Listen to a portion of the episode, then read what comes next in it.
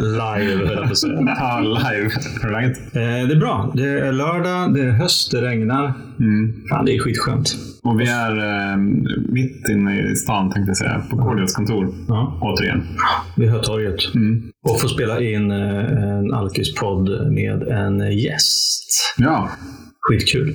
Som har rest hit nästan bara för vår skull. Ja, precis. Nästan. Men passa på att göra andra grejer. Ändå i stan. Exakt. Så vi säger välkommen till... Maria Törnblom heter jag. Kul att ha dig här. Fantastiskt kul att vara här. Ja, varmt välkommen. Mm, det är kul att se er live. Ja, just det. Ja, vi har ju haft eh, lite eh, snack här under ett tag. Framförallt du och Johan. Hur kommer det sig att du hörde av dig? Eh, Jag har lyssnat en del på er podd och jag tycker det är schysst snack och jag känner väldigt mycket identifikation och trygghet med på något sätt. Jag känner väldigt mycket ja, igenkänning och ja, men ni, ni har ju det rätta snacket så att säga. Ehm, och så kommer jag inte ihåg, det var något inlägg ni hade om 100 000 eh, Ja, just det. Vi hade haft 100 000 lyssningar kanske. Ja, just det. Och då skrev ni att ni sökte nya gäster. Också. Mm. Mm. Så tänkte jag att ja, men jag tycker om att föra budskapet vidare. Ehm, och jag har ju en liten annan bakgrund än vad ni har. Mm. Mm. Ehm, så det tyckte jag skulle vara kul. Ja. Mm, så gillar jag att komma upp till Stockholm också, så då passar jag på. Och tåget gick som det skulle. På här? minuten, SJ. Halleluja. Herregud. Det är liksom, it's a sign. Vi kan väl, vi kan väl komma till, det, till anledningen att du är här, eh, förutom oss, då, lite senare tänker jag. Yes. Eh, Men eh, just det här med din bakgrund som är lite olika. Eh, Hoppa rakt ner i den och bara kör. Bakgrunden. Bakgrunden. Eh, ja, jag är ju gay då. Mm. För det var väl det du syftade på, kan jag tänka mig. Ja, bland annat. och den resan, resan. Eh, de, de få alkoholister som, som är ute och pratar och, och är synliga, eh, det är ju inte så många som jag kan identifiera mig med som är kvinnliga lesbiska eh, alkoholister. Eh, så därför tänker jag att det kanske kan hjälpa någon om jag sitter här och snackar om hur det är att bli nykter och gay och ut och dejta och Mm. det här eländet som vi ska gå igenom. Eländet. Ja, det är både på gott och ont det där.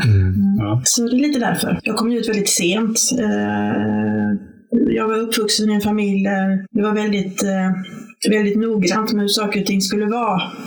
Eh, Det var väldigt tydligt att, eh, att vara homosexuell var inte okej i vår familj. Så det var liksom inte ens aktuellt att prata om det. Eh, Vi pratade faktiskt knappt om känslor alls, utan allting skulle bara vara perfekt och snyggt på utsidan. Sen så var det liksom inte så noga resten.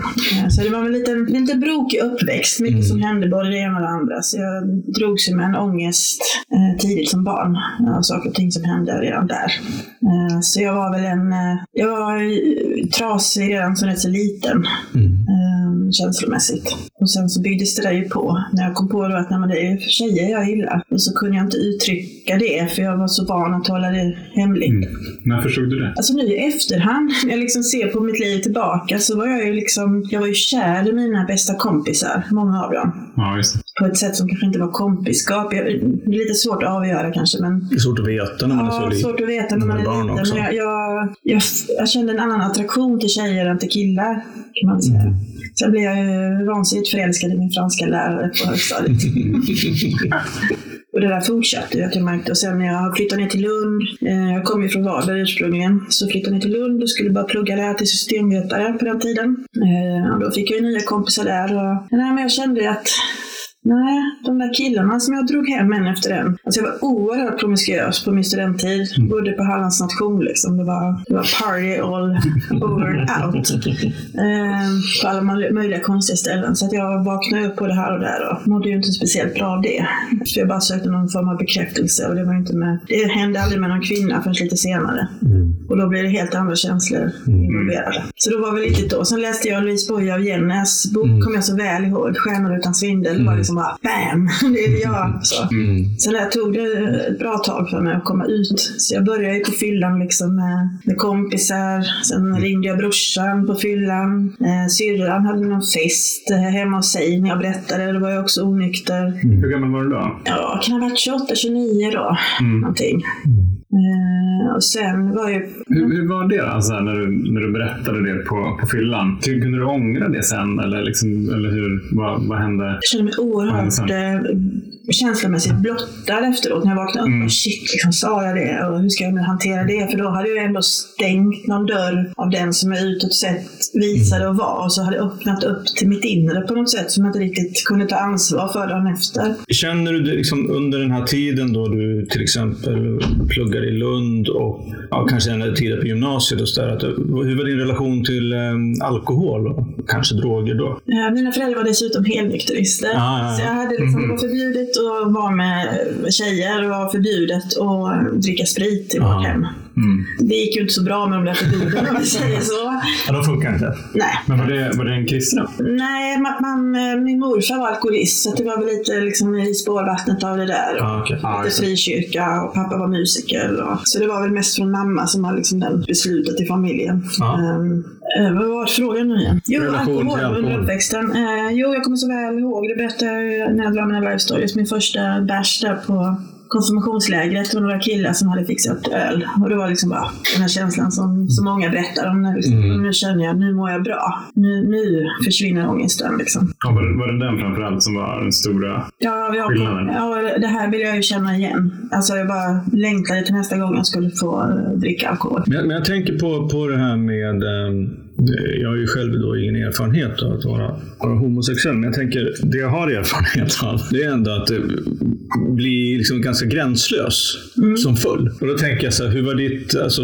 var du mer på tjejer, om man säger så, när du var full? Eller liksom, höll du ifrån det också i början? I början höll jag mig ifrån det. Jag var så inmatad. Du vet, mamma, Ja. pappa, barn. Det var ju bara det som skulle Ja. finnas. Eh, och jag hade ju så många andra issues inuti mig som jag inte Ja. vågade prata med någon. Så att liksom, tänka på att det kunde vara tjejer också, det blev för mycket i min hjärna. Så Ja, jag var ju bara Ja. döva Ja, det. rakt på. Så det här att du körde, körde med killar ett tag då, det var ändå liksom, du tänkte, trodde, kände ändå att det skulle vara så? Så skulle det ju vara. Ja.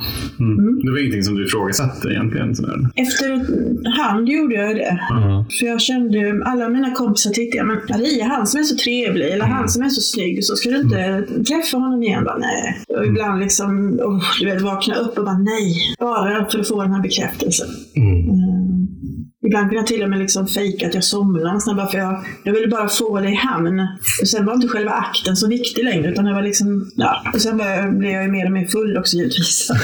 Prestandan eh, sjönk ju givetvis. Så det var ju nice när jag träffade tjejer då och fick liksom, när jag märkte att, att eh, det intima eller sexet då blev något helt annat. Ja. Där liksom huvud och hjärta var med. Inte bara huvudet. Men hur, eh, om vi ändå då börjar smyga in på det här med dating, liksom, hur, hur gick, eh, var alkohol inblandat i din första liksom, eh, lesbiska upplevelse? Eller lyckades du göra den, klara av den nykter? Nej, tyvärr. Eller tyvärr, tyvärr. Så, men, gjort gjort.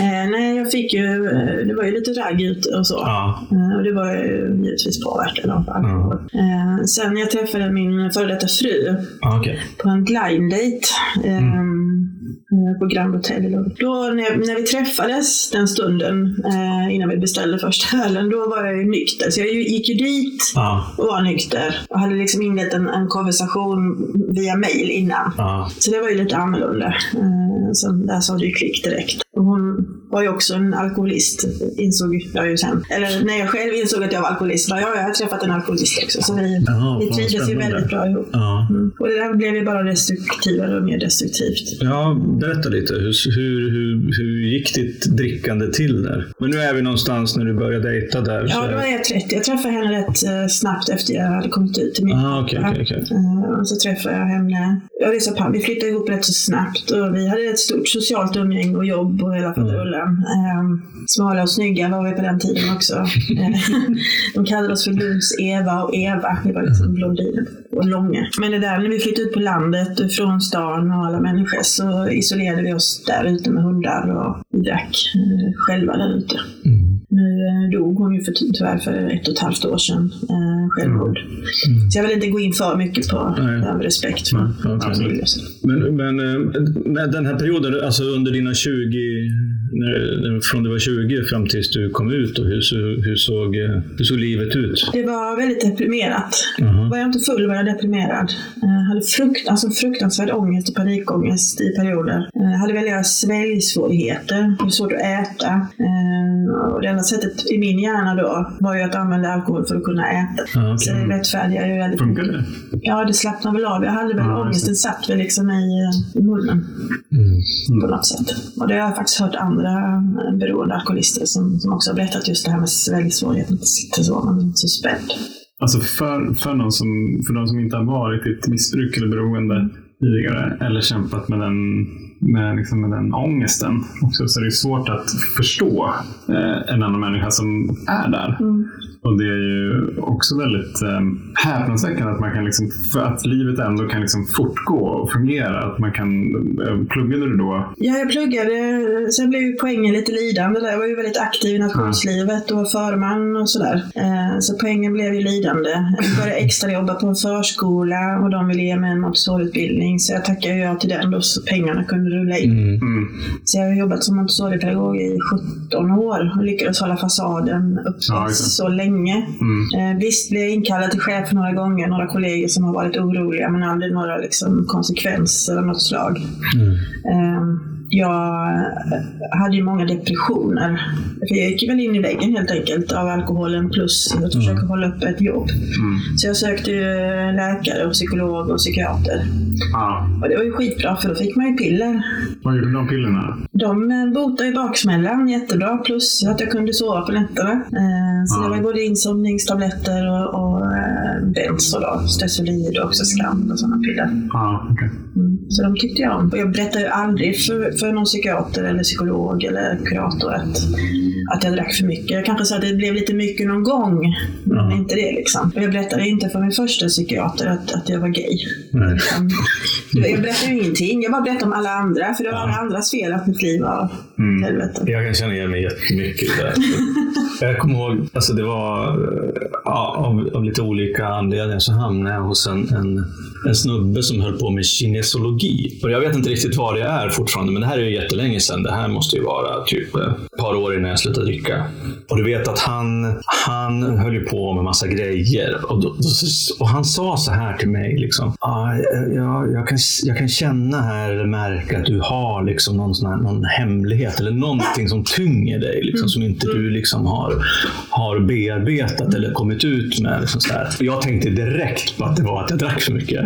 Men det sa jag ju inte. Jag, och så jag var ju tvungen liksom att fabricera någonting. Någon, någon bra lögn Ja, någon men det, hemlighet. det, och då var det något sånt här, min, både min pappa och min farfar har dött nyligen, bla bla bla, bla bla bla. Liksom någonting så här som jag hoppades att han skulle köpa. Liksom så här, ja, jo, det kan det nog vara kanske. Vad ska vi göra? Så höll han på med någonting, om det var oljor eller stenar eller nålar. Jag minns inte riktigt vad det var, men det var också den här känslan av att jag klarar mig, jag behöver inte berätta hemligheten den här gången heller. Och sen så tänker jag ändå liksom att ja, men nu har jag fått den här behandlingen så det borde hjälpa mot någonting. Precis. Man är så jävla bra på att lura sig själv också. Ja.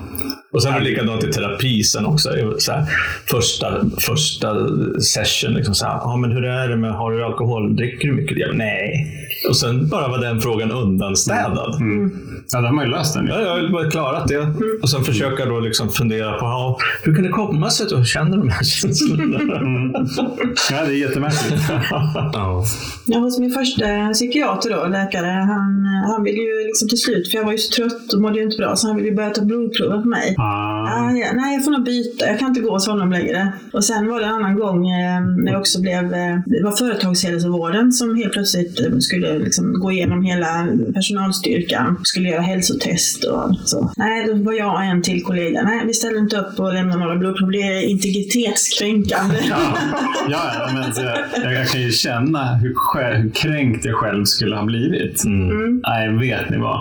Litar ni inte på att jag kan sköta mig? Eller, ja. Jag kommer ihåg så avundsjuk jag var på de kollegorna som liksom med gott samvete då kunde gå och göra de här testerna. Och så bara, gud, alltså. Och jag visste ju så innerligt att det inte var okej.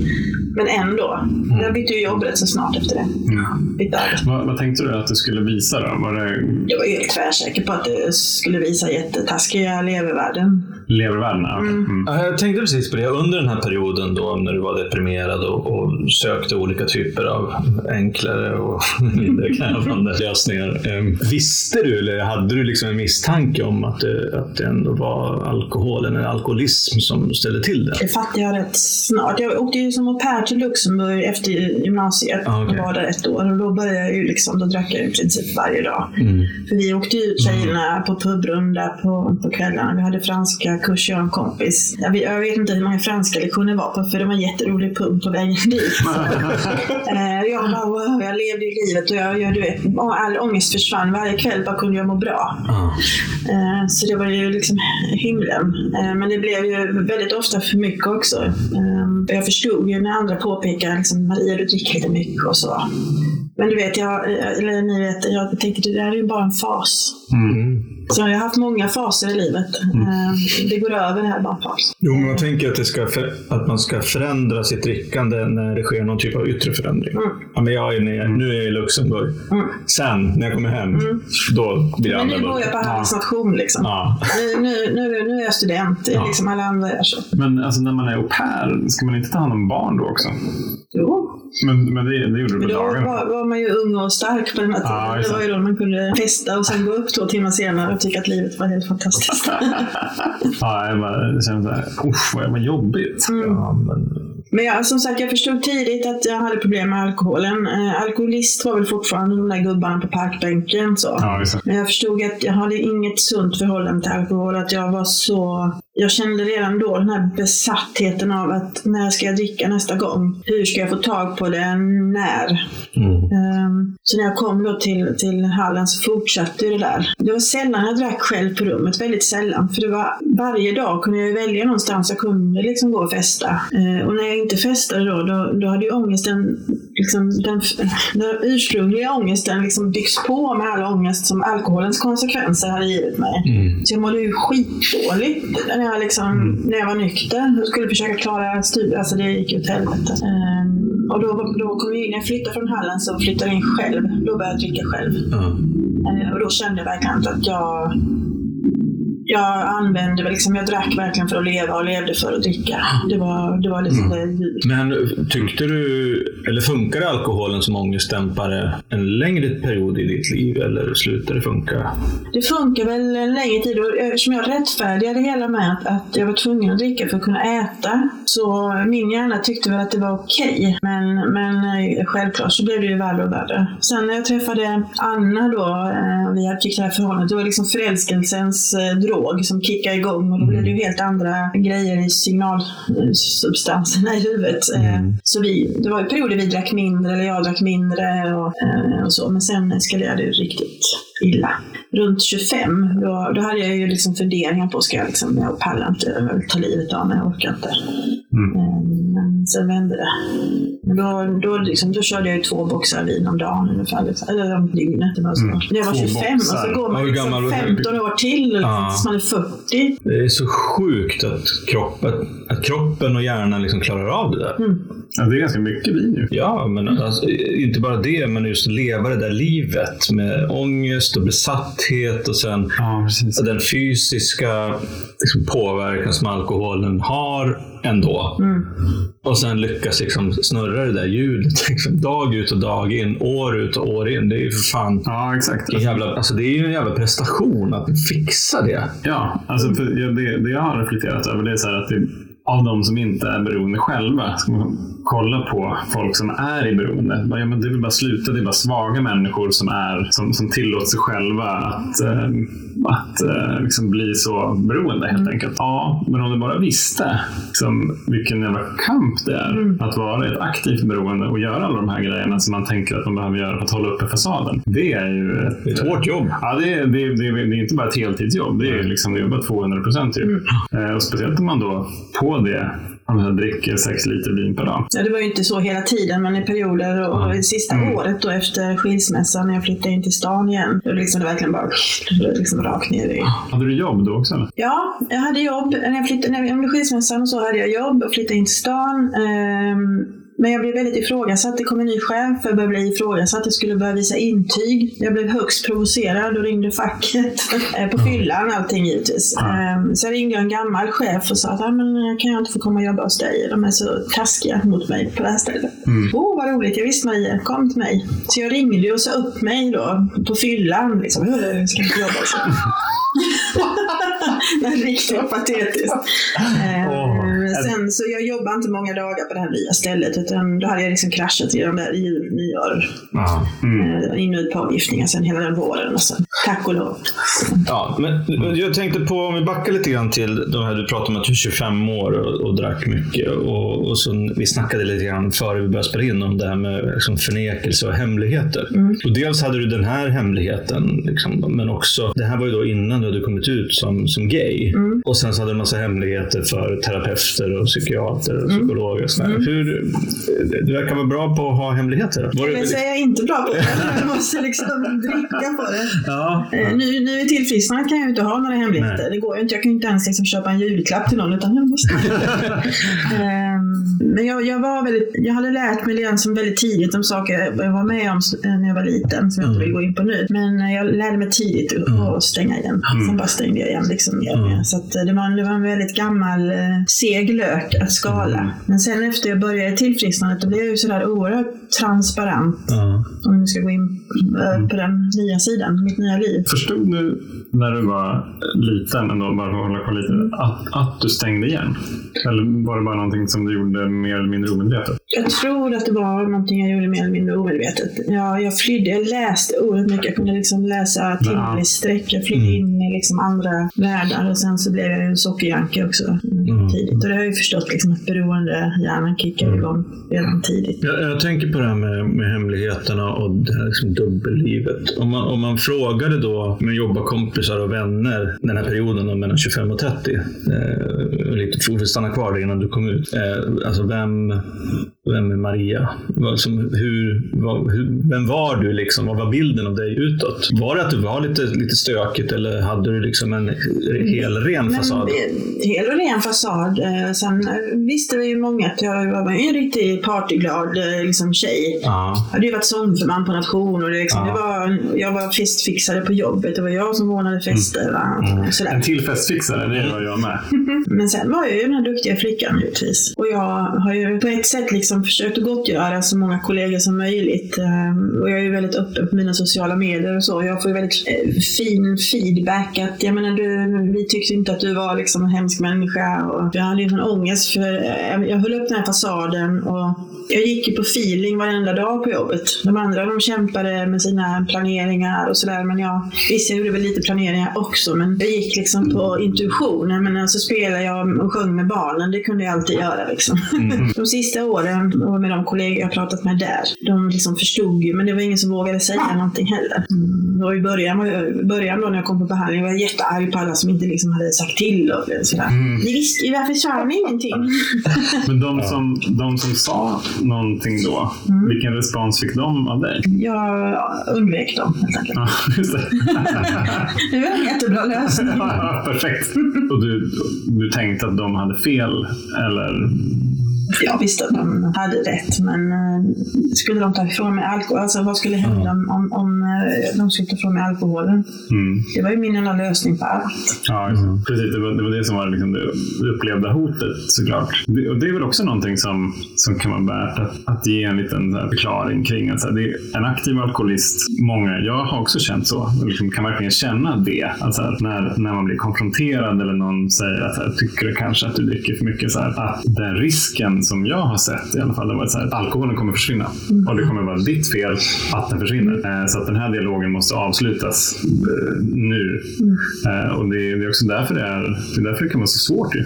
Jag, menar, jag var ju helt övertygad om att det var lösningen på mina problem. Inte explicit, utan liksom helt omedvetet. Och Så sen ville jag ju vara den där charmiga livsnjutaren också. Jag tyckte ju att jag var så fri. Jag kunde ju åka hem med alla mina öl och vin. Och jag köpte ju alltid alkohol för det mesta så det skulle se ut som jag skulle ha värsta brakfesten. Så jag köpte skumpa, jag köpte bärs, jag köpte öl, vin. Så att Systembolagskassörskorna inte skulle förstå att, eh, att jag skulle dricka allt själv. ja, okej. Det var ju min grej då. Nej, så jag, hade mina, jag hade väldigt många olika strategier för det. Mm. Det är inte konstigt att, att eh, många blir liksom utbrändhetssymptom när, när vi liksom når botten. Att hjärnan orkar ju inte längre hålla upp eh, liksom ett heltidsarbete som många kanske har kvar. Ja. Plus att hålla ordning på det här med, med beroendet som är ett 24 timmar 7-projekt. Jo, jag är lite nyfiken på att prata om eh, den här nedförsbacken på slutet. Hur såg det ut den här sista tiden? Börja, när, när började liksom raset? Raset börjar ju ja, där på höstkanten, september, oktober. Eh, och jag eh, hade fått klart då att jag skulle få byta jobb och hade sagt upp mig och hela den här biten. Men pratar vi då om ett år innan du slutade ungefär? Eller? Nej, utan samma? jag blev sjukskriven, sjukskriven då i mars. Ja, okej, okej, okej. Ett halvår efter där. Och sen hade jag ju en del semesterdagar kvar. Plus att det var ju jul och nyår. Eh, och jag skulle inte börja tjänsten förrän i mitten på januari. Ja. Så, så den här jul och nyår det, det året har jag liksom inga som helst minnen. Det är de här Facebook-minnena som kommer. Jag satt hemma och bara körde all in. När var det här? Det var 20... 2014-15 Ja. årsskiftet där. Eh, och sen då skulle jag ju börja jobba i januari. Där. Jag tänkte, hur fasen ska det här gå? Du vet, eh, börja trappa ner och liksom försöka komma i fas. Men du, här bodde du själv då efter Mm, skilsmässan? bodde jag själv. Jag hade knappt jag hade köpt en bäddsoffa när jag flyttade in dit. Ehm, Jag hade fått med sig, men jag hade inte packat upp någonting i princip. Allting var i lådor. Jag hade bäddsoffan, jag tog fram sovsäcken, jag packade upp tvn. Sen var allting liksom så jag låg där som värsta parkbänksalkisen fast i mitt sovrum i min fina lägenhet. Så riktigt illa. Verkligen. Och ändå inte vilja be om hjälp utan ligger där och kvider. Och så fruktansvärt ensam. Hade du någon plan? Ja, precis. Exakt. Vad, vad, vad tänkte du skulle kunna liksom göra att det blev annorlunda? Jag tänkte att jag kan ju dricka nu eh, tills jag ska börja det här nya jobbet. För nu var ju bara det där en skilsmässofas. Ja, ja. Jag, jag har mina faser. Så jag hade väl någon slags liksom, tänkande då att ja, men det, här, det här kommer ju gå över när jag börjar jobba och det blir bra och sådär. Så jag hade väl ingen plan förrän när jag insåg att när jag hade börjat på det här jobbet och, och inte kunde sluta dricka utan jag, jag körde på mer än vanligt och gjorde jättekorkade grejer. en, en söndag, jag tyckte jag var så blek där i januari, så jag gick och köpte sån här brun utan sol, en kräm plus någon sån här tissue som man kunde smörja in. Så jag gick in där på söndagen och nej nej, jäklar, liksom, nu ska jag se fräsch ut imorgon. Så jag liksom smörjde in hela mig. Och som man är, går in och tittar, men händer ju ingenting, jag måste ta mer. Så jag tog ot- otroliga mängder av detta på mig. Sen när jag vaknade upp då måndag morgon, dels bak, sen kom jag in i badrummet och bara, eh, vem fan är det? så jag fick ta sån här kökssvamp, ni vet, liksom försöka skrubba bort och pudra över. Men det var liksom, och, nej det var, och jag skämdes, jag tyckte det var så pinsamt. sa, vad sa kollegorna när du kom? Jag försökte ju då skoja bort det lite. Ja. Ja. Herregud, men nu tog jag för mycket, bla bla bla. Ja. Mm. Det var ju bra, man kunde ha mössa på sig Ja, och så. Nej, så det var riktigt illa. Eh, Men det, som sagt, det var inte många dagar jag var på det stället. Jag sjukade mig jättemycket olika dagar. Sen blev det då veckor och sen ljög jag för chefen att jag hade intyg från läkare. Så där, liksom, där- där förstod jag att nu, nu liksom är det slut. Och då, då tänkte jag, nej, men nu, nu, nu är det väl bra om jag super ihjäl mig. Liksom. Jag vill göra som Nicolas Cage i Leaving Las Vegas. Liksom år, år in. Tyvärr hade jag inte de pengarna då, så jag kunde inte. pengarna hade jag börjat sika. Jag hade tagit eh, så mycket lån. Eh, lån på lån på lån för att kunna betala lånen. För jag hade liksom försökt att leva ett liv då för att hålla uppe fasaden. Eh, köpa mig liksom kläder. Jag ville inte köpa någon fulsprit på systemet utan det skulle ändå vara så ingen skulle förstå då att jag var alkoholist. Så pengarna var ju, var ju slut också. Jag kunde inte ta fler lån. Så att jag kunde ju inte göra den här Leaving Las Vegas-grejen. Eh, Men jag försökte så gott det gick ändå och hamnade in i avgiftningar på psyk. Psykelund. Hur kom du till uh, avgiften? Ja, exakt. La du in dig själv eller blev du Ja, liksom... men en gång gjorde jag faktiskt det, för då var jag så fed up på det. Men eh, eh, min, min före detta fru då, eh, vi hade ju kontakt så vi pratade nästan varje dag. Eh, och hon hörde liksom att nu är det riktigt illa, då ringde hon min syster. Så antingen kom min syster eller så kom de båda två. Liksom, nu, Ja. nu är det bara upp med Ja, ja. avgiftning. Och egentligen tyckte jag nog att det var rätt så skönt när det väl hände, för jag var ju så trött. Mm. Under den här perioden, det var aldrig någon tanke på att sluta? Då? Alltså. Hur, hur var det inne på avgiftningen? Första gången tyckte jag det var så fruktansvärt. Eh, och det kändes som hela mitt liv bara försvann. Eh, och jag kände mig så... Jag tyckte det var lite komma in där och klara sig naken. Och de gick igenom. Jag kände, jag kände mig som kriminell. Och jag har det här straffet nu för att jag har levt så här. Jag såg det som ett straff verkligen. Eh, och sen så fick man den där jäkla B-vitaminsprutan i rumpan. Och, eh, fick ju jättemycket Stesolid. Eh, Så det var ju bra. Så de där fem dagarna, det var ju bara att liksom leva sig igenom dem. Eh, Och då när, när jag kom ut, då mådde jag ju rätt så bra. Det där var väl inte så farligt. Mm. Så kunde jag kanske hålla mig någon dag eller två. Sen så var det liksom om och om igen. Jag fick eh, remiss till en alkoholterapeut som jag skulle gå och samtala med en gång i veckan. Och jag fick utskrivet eh, Campral och Naltroxen. För min lever var så kvaddad så de kunde inte ge mig Antatus. Campral, är det som är mot sug? Ja, Det var det jag pratade om häromdagen. Kampral. Ja. ja, funkar ju inte på mig. Nej. Och det här med Naltroxen då, som ska ta, ta bort effekten. Om du dricker två glas vin eller mer så ska du inte känna någon mer effekt. Utan det händer ingenting mer när du dricker. Men det Fan, där var vad bara skönt. bullshit. Men man kände ändå eller? Eller du kände ändå? Ja, alltså är man, är man alkis så ska man inte hålla på med sådana där mediciner. Det är bara trams. Mm. Men i alla fall, sista avgiftningen, då var det en överläkare där. Då kom jag in med fruktansvärt kassa elevvärden. Jag hade en puls som höll på hjärtat explodera och så. Och då sa hon att eh, fortsätter du ett par dagar till så dör du. Per dag? Mm, Ah, okej. Det är inte så lång tid. nej. Eh, och då eh, satte hon faktiskt ett LVM på mig. Lagen, om vård av missbrukare, att man är en fara för sig själv och Okej. andra. Eh, och då blir ju automatiskt SOS inkopplade. Eh, och det var då genom SOS eh, som jag kom till behandling. Och där hade jag ingen aning om eh, hur det funkade för, för någon som hade problem med alkoholen och var alkoholist. Och hur man kom till behandling, vad som händer. Jag trodde det var någonting som man fick betala själv, att det kostade jättemycket pengar. Jag tänkte att det där har ju inga, det har inte jag råd med, eller min familj. Liksom, så. Mm. Jag har ingen aning om hur systemet funkade. Nej. För det var ju inte någon som pratade om det öppet. Eller det fanns, jag hade inte sökt informationen heller. Men, Nej. men det är ju ingenting, folk pratar ju inte om det. Så att, Men i det här läget då, mm. när du ja, SOS blev inkopplad och LVM-ad och det var liksom snack om behandling. Hur kände du dig liksom, i sammanhanget liksom, med människor runt omkring dig? Skämdes du? Eller liksom, sket du i det? Tänkte du inte på det? Ville du bara överleva? Eller hur, hur var det? Jag ringde, jag kommer första avsnittet, ringde han till pappa. Och han hade inte, och jag sa pappa, jag, bara, jag är alkoholist. Och, det, och så kom den här, ungefär som när jag kom ut som homosexuell. Det var liksom bara så skönt att få det sagt. Och han blev ju inte arg, utan han blev ledsen men ändå Ja. tacksam att jag hade liksom kommit till sans då.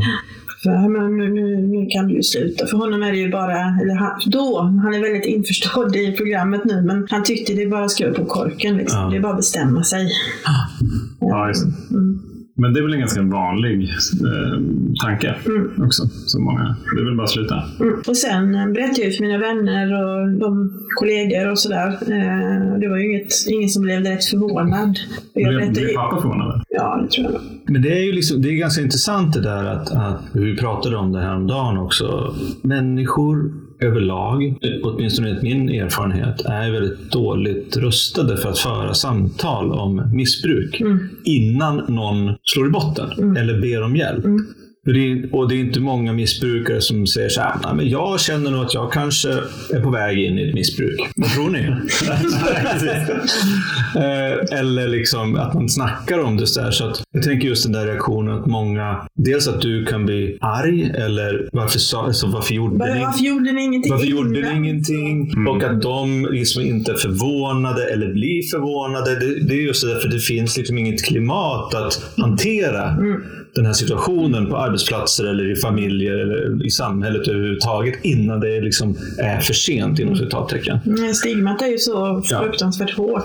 Och det, det är ju också liksom någonting som, för att vi har ju pratat om det tidigare, så att jag, jag hade nog inte varit redo, alltså innan jag slog i botten, att liksom ha en konstruktiv, konstruktiv diskussion om, mitt alkohol, om min alkoholkonsumtion. Nej. Och ingen annan heller. Utan det blir antingen pekpinnar eller det blir så här liksom med, medlidande eller, eller empati. Liksom, men hörru du, jag bryr mig om dig. Ska du inte liksom titta över det här? Eller kom igen nu, skruva på korken. Skärp dig. Liksom någonstans däremellan. Sen finns det liksom inte Nej, men jag tycker ändå att för varje person som har varit i mitt liv under min- aktiva period som har sagt till eller jag har fått någon slags konsekvens. Det har gjort att min värld har blivit lite mindre. Ja. Och till slut, när konsekvenserna kom väldigt snabbt, då blev ju världen det blev ju bara jag och flaskan. Ja. Mm. Så ju mer konsekvenser, ju mer yttre liksom, påtryckningar, desto snabbare kanske man når sin botten. Ja. Eh, Eller kan, en del säger att man kan välja att välja sin botten. Jag behöver inte liksom, utstå mer smärta om jag bestämmer mig för det.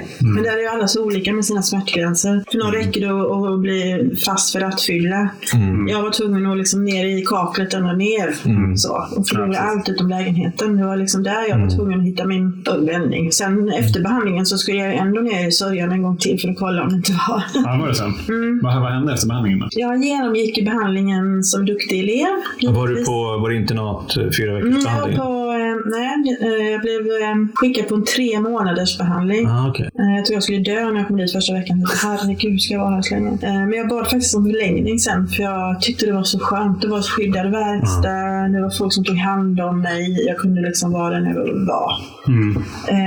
Men jag gjorde ju ett misstag. Jag ville ju fixa massa konsekvenser. Jag ville liksom börja med ekonomin, jag ville fixa fysiken, levern. Jag var livrädd för levern då. Liksom, eh, massa yttre konsekvenser. Så visst, jag delade med mig och gjorde mina uppgifter och så. Men jag berättade ju inte allt. Jag hade jättesvårt att öppna mig. Så den här löken blev ju liksom bara lite touchad så. Mm. Eh, och jag kommer ihåg eh, terapeuten, Maria du måste gråta, du måste gråta. Så jag, för fan, jag försöker. liksom.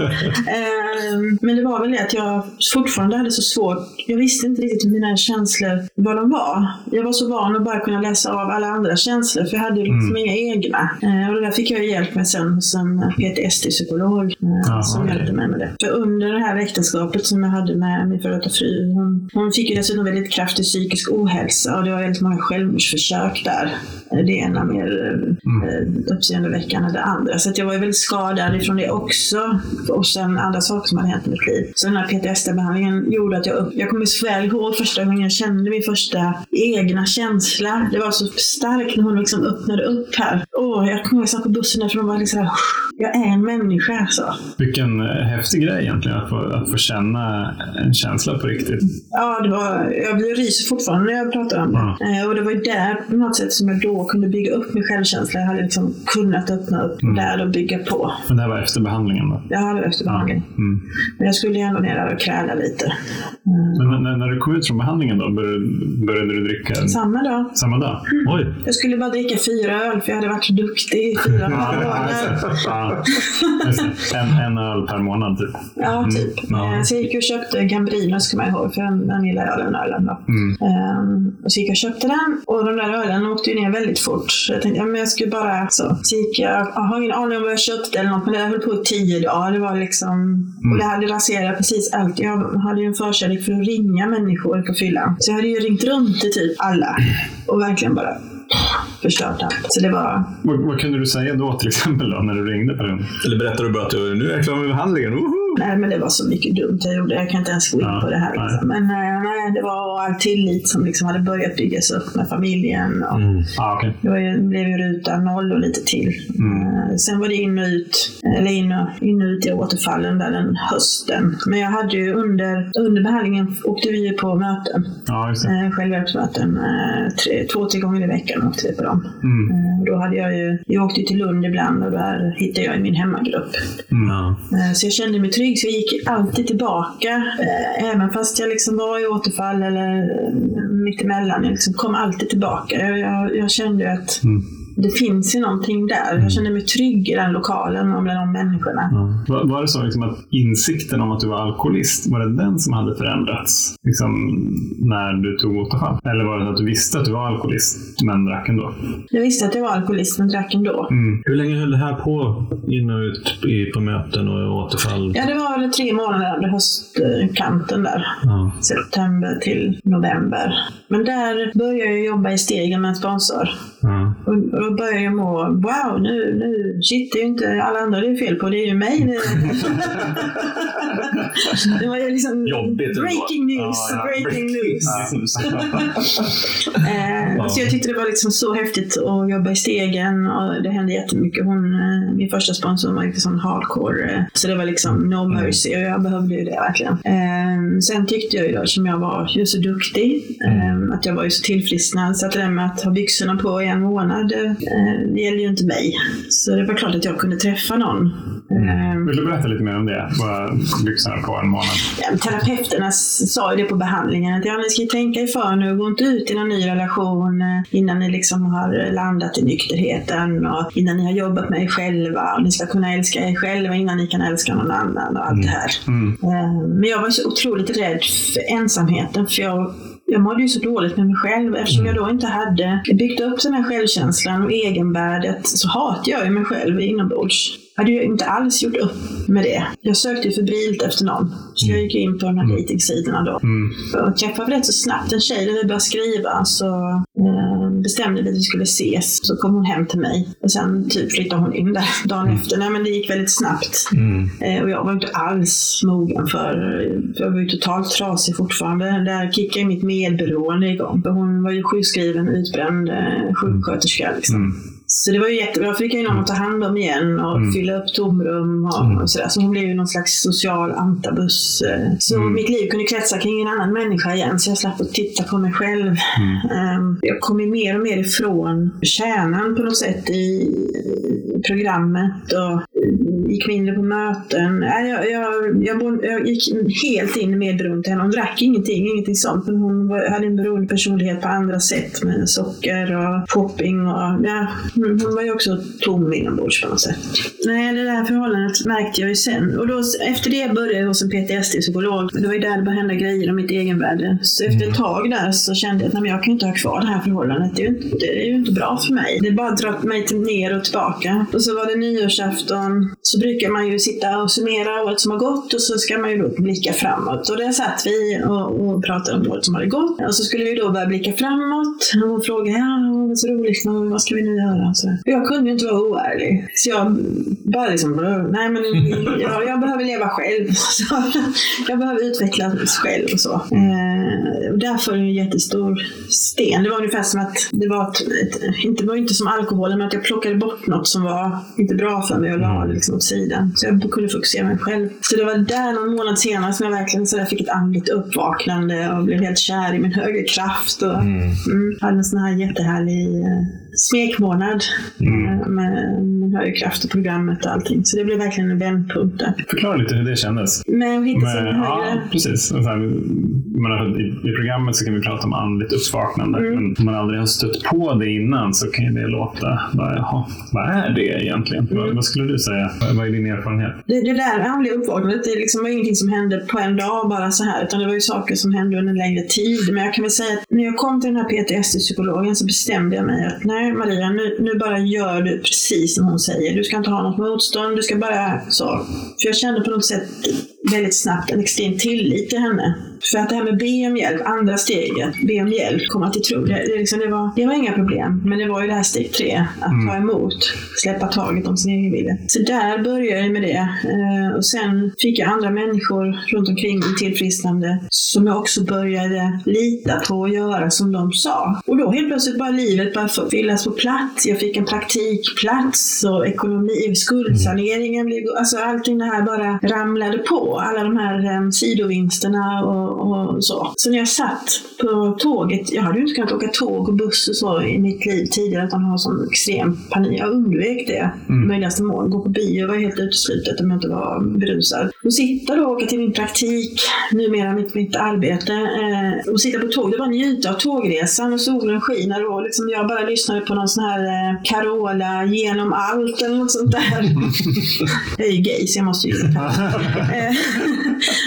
nej, men jag fick så, åh, nej, men det, nu förstår jag vad hon sjunger om. Liksom. Det, är, det är liksom Gud, det är min högre kraft. Mm. Så. så där var det sån här, jag fick sån här, wow, jag, jag, jag hittat det. Så. Ja. Men visst är det konstigt att genom faktiskt konkreta handlingar så, så kan man skapa liksom den här Ja, jag andliga- fattar inte det. Nej, det är det som är, det är, det som är Ja. jättesvårt. För att jag åtminstone försökte ju tänka mig till det där. Ja, ja. Det går ju inte alls. Men koppla bort liksom den här rationella. Sen, sen var det ju, de sa på mötena, tro utan handling är lika med död. Ja. Men det liksom. Jag tror, det är väl bra liksom. Jag ber. För det hade jag ju med mig från barns, alltså be. Det, det gjorde vi. Jag var i kyrkan och sådär. Jag, jag var lite arg på Gud, för jag tyckte Gud, Gud gjorde ju ingenting för mig. Nej.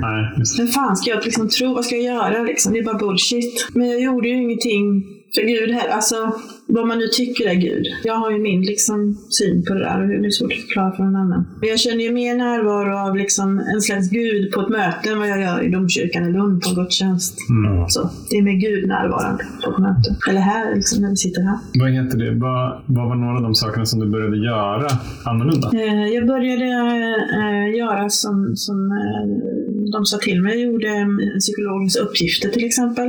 Ja. Eh, 100 procent.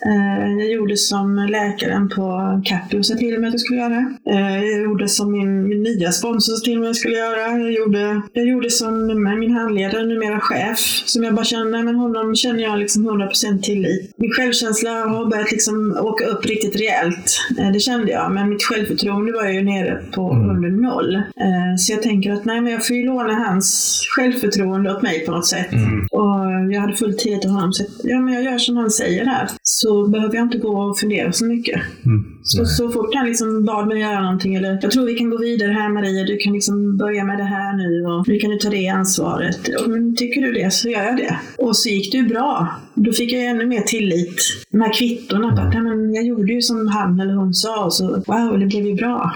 Du, kan du inte berätta lite grann om eh, vad är det du jobbar med nu för tiden? Ja. Jo, nu jobbar jag som behandlare eh, på en öppenvårdsbehandling i Malmö Ja. för eh, alkoholister och beroende och spelberoende.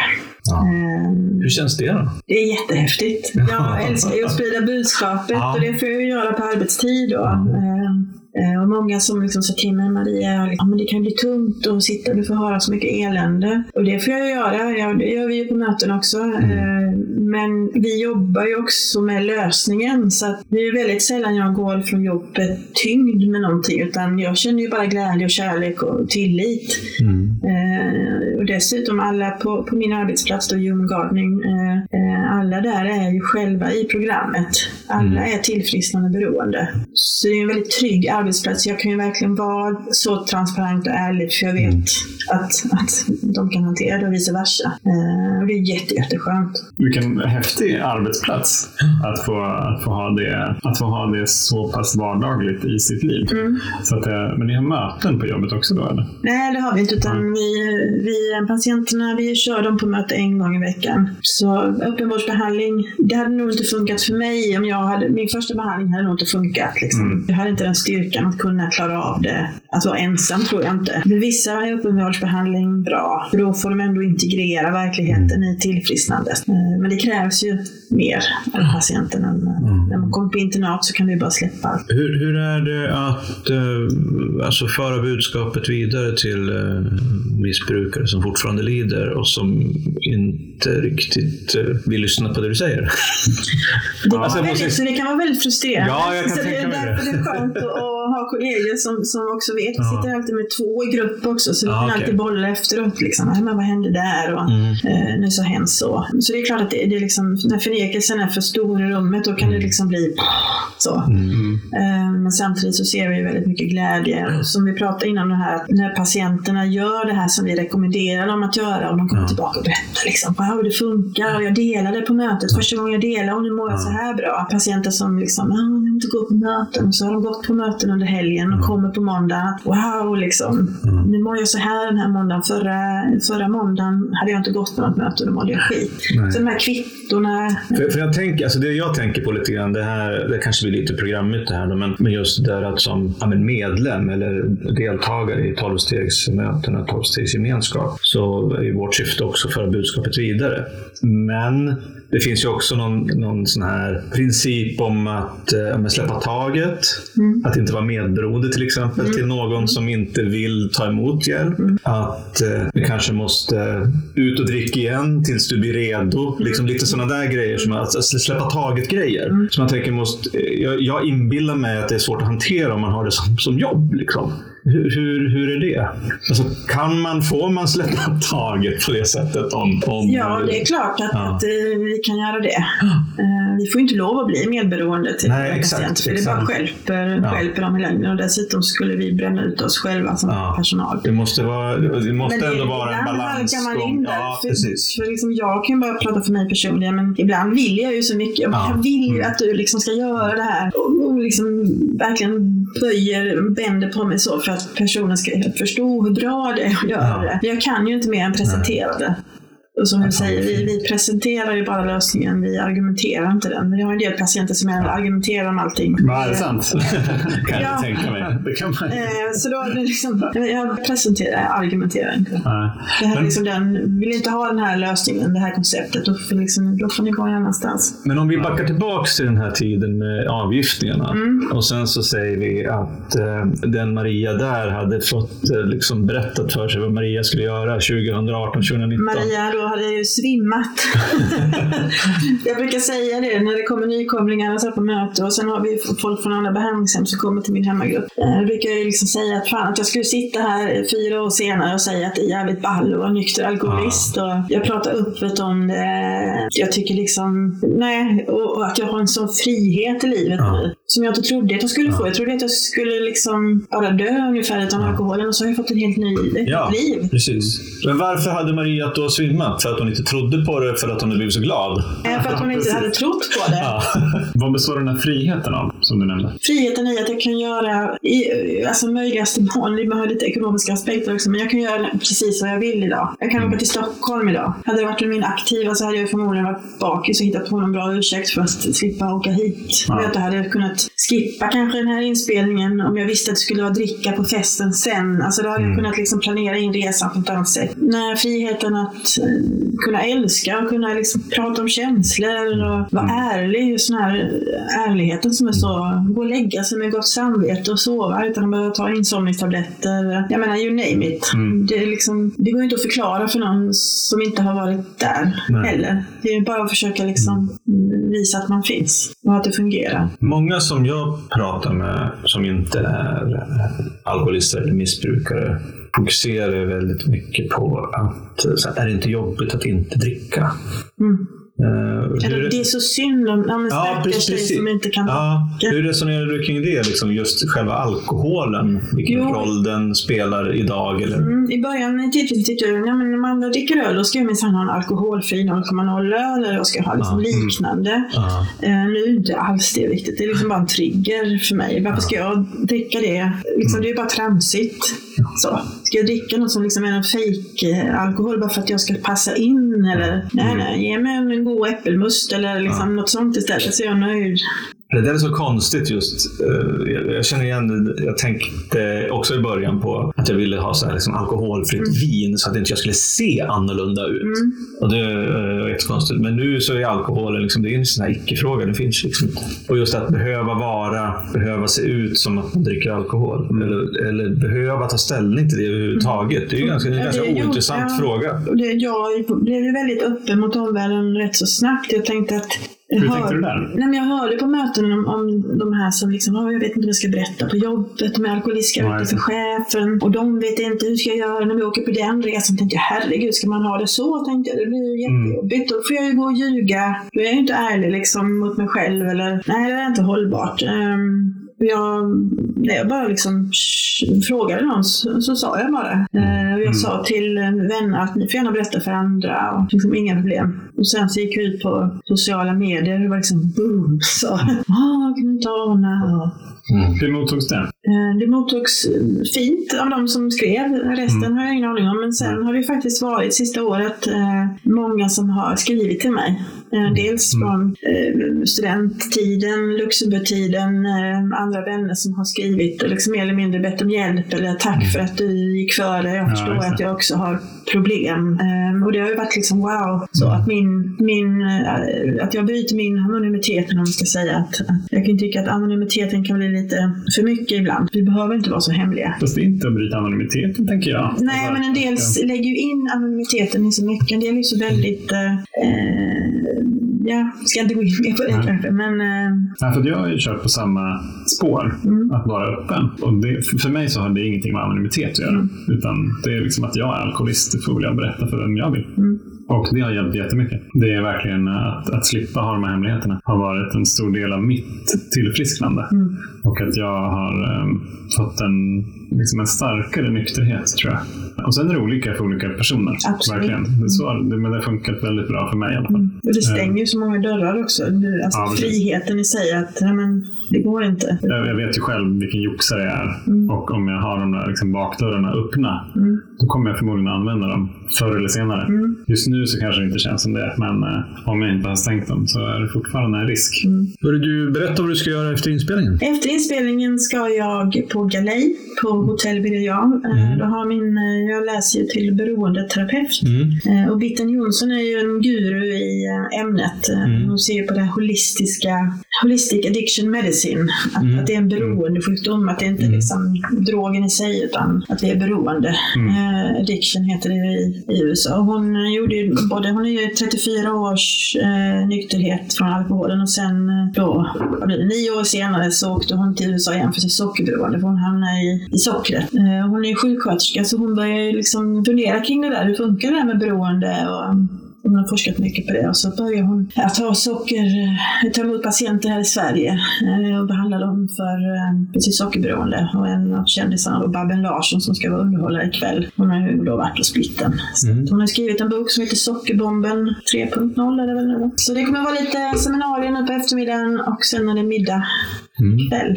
Spännande. Ja, det där låter jättespännande. Alltså, jag kan ju känna igen mig i, i att det är en beroendesjukdom, punkt. Och sen så råkar alkoholen ha varit min väg, den första liksom, manifestationen av beroendesjukdomen. Eh, Men sen så har jag också haft eh, sockerkaffejobb.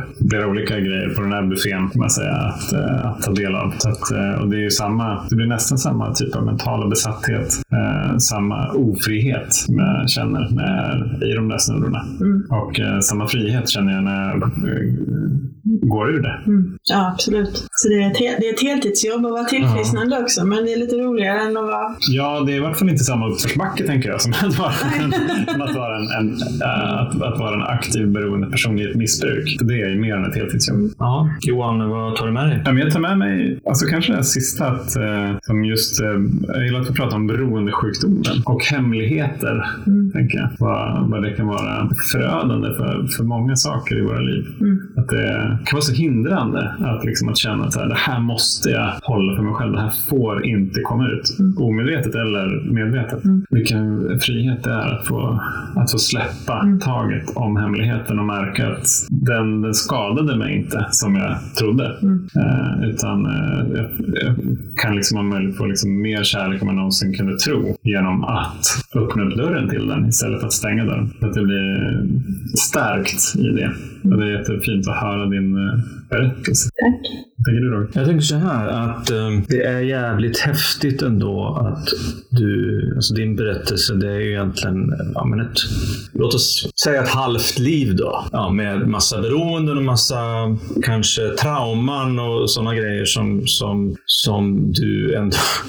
Ja, men så vi pratar om att det var ett hårt jobb, liksom att från 25-årsåldern när man dricker ibland då två dunkar eller två bag-in-box om dagen och sen hålla på i 15 år till. Och sen efter bara, får man väl säga då, ja, men tre år i det här, har liksom hittat den här friheten. Att det går att förändra ett helt liv. Och det är, det är så för er som är lite programmed då, av eh, våra gamla föreställningar. Mm. Att man vågar släppa taget om de här gamla föreställningarna Mm. och sen göra den här förändringen på, alltså det är ju jättekort tid jämfört med liksom, din, ja, men ditt tidigare, hela 40-åriga liv med allt det där som du hade i ditt liv då. Och sen bara tre år senare så bara, ha, Det är ju inte ens 10 procent. Nej, ett nytt liv. Ja. Och det, det är också så att alltså, skicka med det.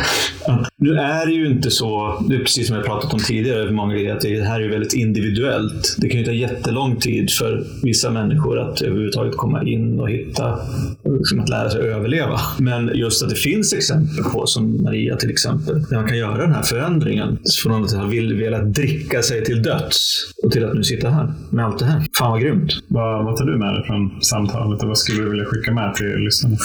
Nej, Jag tänkte på det här med hemligheter också. Det blev så mycket om det idag och det här att endast sanningen gör oss fria. Det ligger så mycket kraft i det. Och sen att, att just det här att, att de här klyschorna, liksom älska dig själv innan du kan älska någon annan, att det verkligen, att det verkligen stämmer. Nu har vi inte gå in och prata så mycket om det med, med dating och framåt och kärleksliv, men, men det fungerar verkligen. Men Sen är det ju givetvis en, en djungel och det får man ju ta i tillfrisknandet som allting annat som är nytt för en eh, med förhållanden. Så nu, nu har jag ju tre månader snart med en fantastisk kvinna här igen. Så att, eh, som jag är helt öppen med om allting. Och det, det är häftigt. Men jag är inte lika transparent som jag var i början på tillfrisknandet. Jag berättade allt.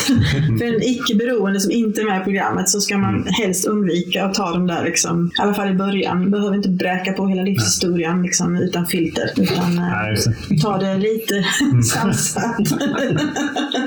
så. Eh, så får tiden liksom visa sen. Mm. Det låter ju klokt. Ja, ibland så. Och respektfullt. Det får mig att tänka på en grej, nu minns jag inte riktigt vad det var, men det var min sambo Jenny. Hon, hon refererade till en grej som jag hade varit med om tidigare i mitt liv. Som jag var helt övertygad om att jag inte hade berättat för henne. För att jag tänkte så här att det där, sådana där grejer ska man inte berätta. Men det hade jag tydligen gjort för länge sedan. Så att eh, hon, hon verkar ha överlevt det i alla fall. Ja, det är kvar. Ja, det är klart. Ja. Nej, vad fint att få, få prata med dig. Det var jätte, jättebra tycker jag. Jag tycker att det är så jävla härligt att få träffas så här, tillfrisknande emellan. För att det, det finns alltid en plattform eller flera och, eh, och massor med spännande saker att prata om. Och en samhörighet som är svår att, att hitta liksom i andra sammanhang. Ja, det, den kraften den går inte att beskriva för någon Nej. som inte har liksom upplevt den. Det är häftigt. Och så får jag tacka för den fantastiska utsikten här också. Du menar mig och Johan? Ja. Ja, precis. Eh, ja, nej, men det är häftigt att vara i Stockholm torsdag. Du har en fantastisk helg med uh, Viktens uh, event och Babben och Yes. mingel och middag och allt möjligt. Det blir en, en sockerfri eh, dag. Ja, just det. Så det blir en, till tilltugg så är det en charkbricka, så det kommer nog bara vara ost och skinka på den.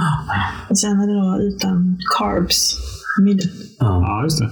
ja, det går ju det. Ja. Mm. Ja, det jag har inte det. kommit eh, riktigt dit än. Eh, jag skulle vilja mm, prova när jag känner att jag har en riktig önskan att gå in på riktigt så sockerstrikt. Jag tror jag mår väldigt bra av det. Mm. Sockerberoende som är. Jag är beroende i alla mina angelägenheter. så. Mm. Men det är häftigt det här med biokemi och hjärnan, vad det, vad det gör med kosten. Men det kan vi prata om en annan gång, Ja, kanske. en sak i taget. En sak i taget. Ja, underbart. Tack så jättemycket Maria. Tack ska ni Ta hand om ha. dig. Mm, Vi, vi hörs och ses. Ja, det gör vi. Ja, härligt. Och ni som lyssnar, vi... Vi Och, sli... oh, ja, och slipper ni inte undan. Ha en fin helg hörni. Ja, kram. Bra. Hej då. Hej då.